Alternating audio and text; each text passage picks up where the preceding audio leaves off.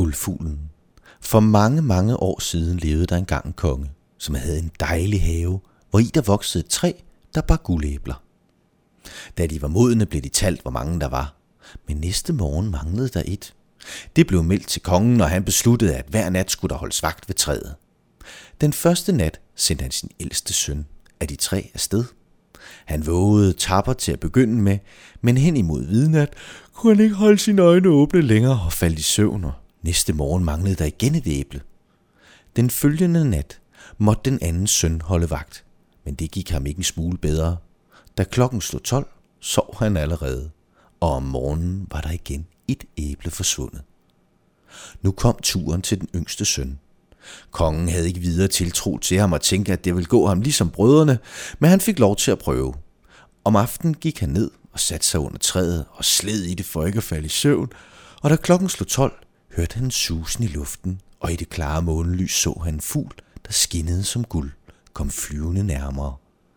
Den satte sig i træet og hakkede et æble af, men lige med det samme sendte kongesønnen en pil efter den. Fuglen fløj bort, men pilen havde truffet dens vinge, og et af dens gyldne fjer faldt ned på jorden. Han tog den op, bragte den næste morgen til kongen og fortalte, hvad han havde set. Kongen samlede sit råd og viste dem fjeren, og de erklærede, at sådan en eneste fjer var mere værd end hele kongeriget. Og hvis det er tilfældet, kan jeg ikke nøjes med den, sagde kongen, så vil jeg have fat i hele fuglen. Den ældste søn mente, at han var så klog, at han nok skulle finde fuglen og begav sig på vej. Da han havde gået en tid, var han kommet til en rev, der sad uden for en skov og lagde sin bøsse til kinden for at sigte på den. Åh, lad være, skyd mig, råbte reven. Så vil jeg til gengæld give dig et godt råd. Jeg ved nok, at du er ude og lede efter guldfuglen, og i aften kommer du til en landsby, hvor der ligger to kroer lige over for hinanden. Den ene er klart oplyst, og det går lystigt til dig inden, men du skal tage ind til den anden, selvom du synes, den ser lidt mindre tiltalende ud.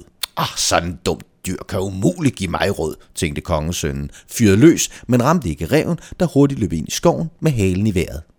Han gik nu videre, og om aftenen kom han til landsbyen med de to kroer.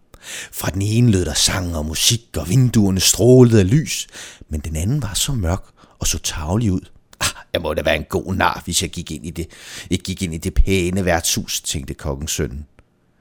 Men derinde levede han i sus og dus og glemte både sin far og guldfuglen.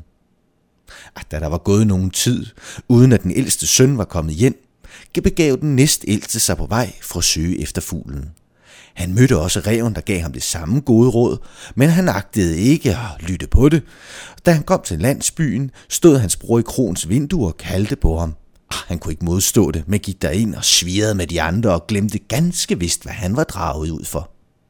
Efter nogen tids forløb ville også dens yngste søn drage ud og prøve sin lykke. Men faderen ville ikke give ham lov. Ah, det kan dog ikke nytte, sagde han. Du vil som en endnu mindre end dine brødre finde guldfuglen, og hvis der skulle tilstøde dig noget, har du ikke forstand nok til at klare dig. Men sønnen blev ved med at plage, og til sidst gav den gamle efter, og han drog afsted. Ved skoven mødte han reven, ah, der bad for sit liv og gav ham de samme gode råd. Ah, vær bare rolig, svarede han. Jeg skal som end ikke gøre dig noget. Det skal du ikke komme til at fortryde, sagde reven. Kom her, sæt dig op på min hale, så kommer du hurtigere afsted. Næppe havde han sat sig derop, før reven for afsted over stok og sten, så vinden pev om ørerne på dem. Da de kom til landsbyen, tog kongesønnen ind på det mørke værtshus og så roligt til den lyse morgen. Da han kom uden for byen, mødte han igen reven, der sagde, nu skal jeg sige dig, hvordan du skal bære dig ad. Sæt dig op, så rider vi til et stort slot, der er helt omringet af soldater at du skal imidlertid ikke være bange for dem. De sover alle sammen. Gå ind i slottet gennem alle værelserne, til du kommer en stue. Hvor...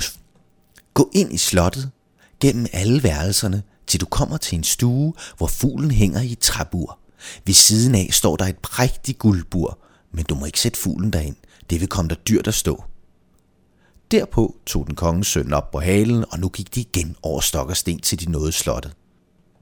Alting var, som reven havde sagt. Og han kom til sidst ind i stuen, hvor fuglen hang i træburet. De tre guldæbler lå nede på gulvet. Han syntes, det var meningsløst, at den smukke fugl skulle sidde i det der grimme bur. Lukkede døren op og puttede den ind i guldburet. I samme øjeblik udstødte fuglen et gennemtrængende skrig, så soldaterne vågnede og kom styrtende ind og greb ham og puttede ham i fængsel. Næste morgen blev han stillet for en domstol, gik straks til bekendelse og blev dømt til døden.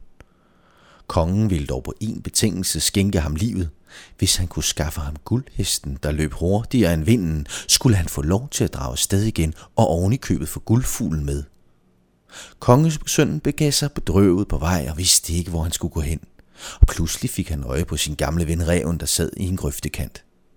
Der kan du se, hvordan det gik, fordi du ikke fulgte mit råd, sagde den. Men lad nu være med at hænge med næbet. Jeg skal nok sige dig, hvordan du skal få fat i hesten. Sæt dig nu op igen, så kommer du til et slot, hvor hesten står i en stald. Staldkalene ligger udenfor og snorksover, så du kan ganske roligt trække hesten ud. Men én ting må du huske. Du skal give den den almindelige ledersadel på, og ikke den forgyldte, som hænger ved siden af. Ellers vil du komme galt af sted. Kongesønnen satte sig nu op på revens hale, og afsted gik det igen over stok og sten. Han fandt alt, som reven havde sagt. Men da han kom ind i stallen og så det smukke dyr, tænkte han, åh, det er dog synd, at den ikke skal have den pæne sadel på. Næppe havde han lagt sadeltasken på hestens ryg, før det begyndte at vrinske så højt, at staldkælene vågnede.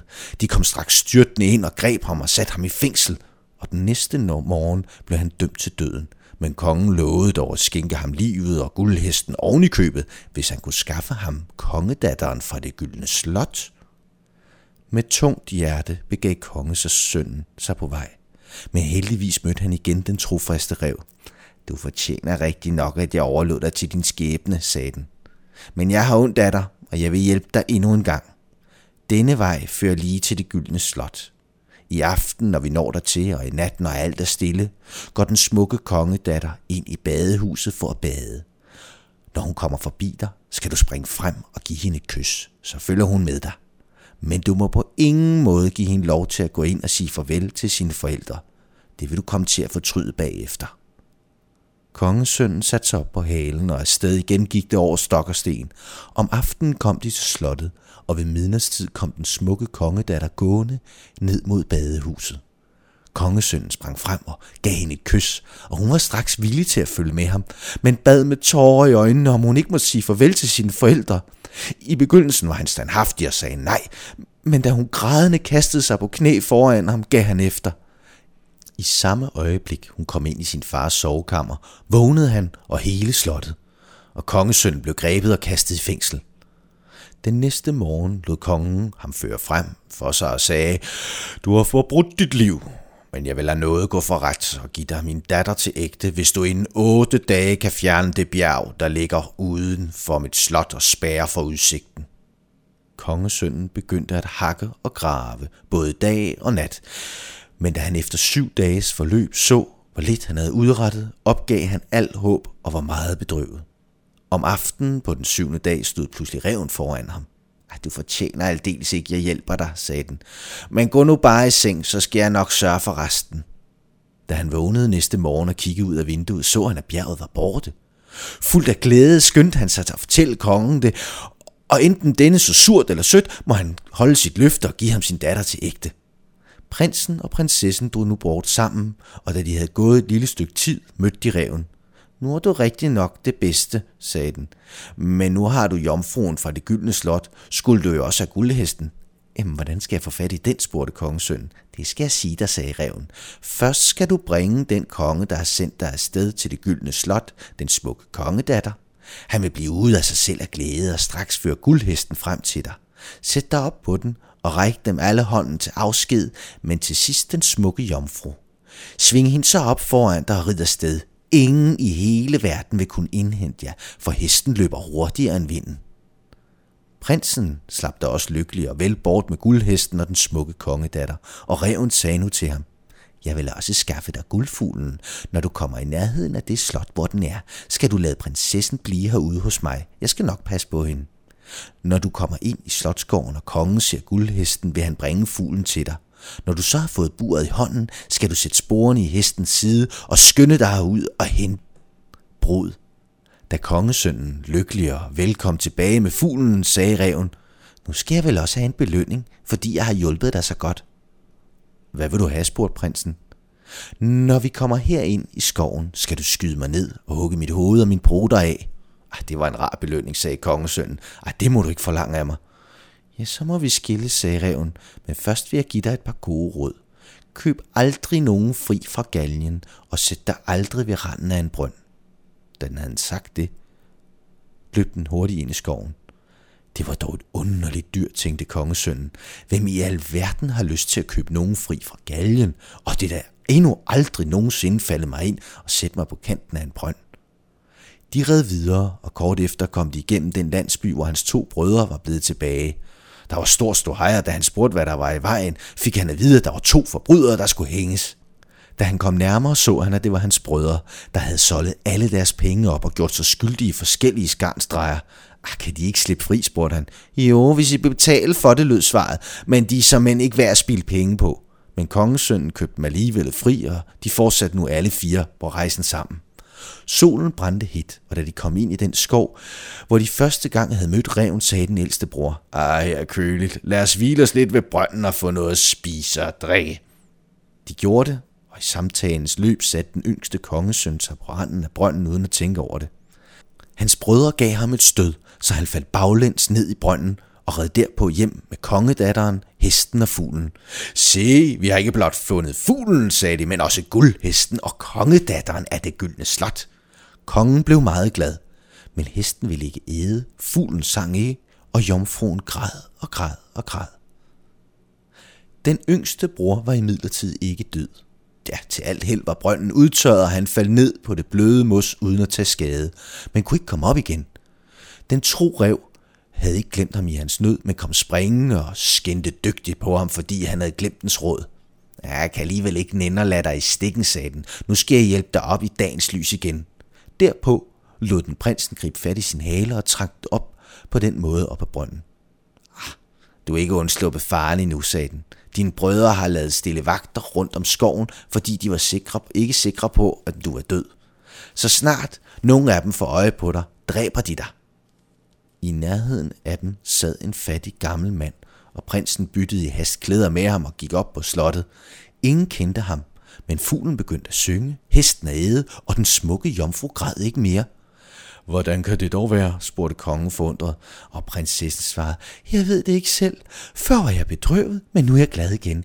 Jeg har en følelse som om, at min rette bodgrom var kommet hjem. Hun fortalte ham nu alt, hvad der var sket, skønt brødrene havde troet med at dræbe hende, hvis hun røbede det. Kongen lod alle mennesker i hele slottet kalde frem for sig, og hans yngste søn kom også i sine pjalter. Kongedatteren genkendte ham straks og faldt ham om halsen. De onde brødre blev nu henrettet, og kongesøndens bryllup blev fejret med pomp og pragt, og kongen indsatte ham som sin arving. Da kongesønnen en dag længe efter kom ud i skoven, mødte han sin gamle ven Reven. Nu har du alt, hvad du kan ønske dig, sagde den. Men min ulykke er lige stor endnu, skønt det står i din magt at frelse mig. Den bad ham nu attert indtrængende om at slå den ihjel, hugge dens hoved og pruter af. Langt om længe gav han efter for dens bønder, og næppe havde han gjort det, for reven blev forvandlet til et menneske. Han fortalte ham nu, at han var bror af den smukke kongedatter, og de levede alle sammen lykkeligt til deres død.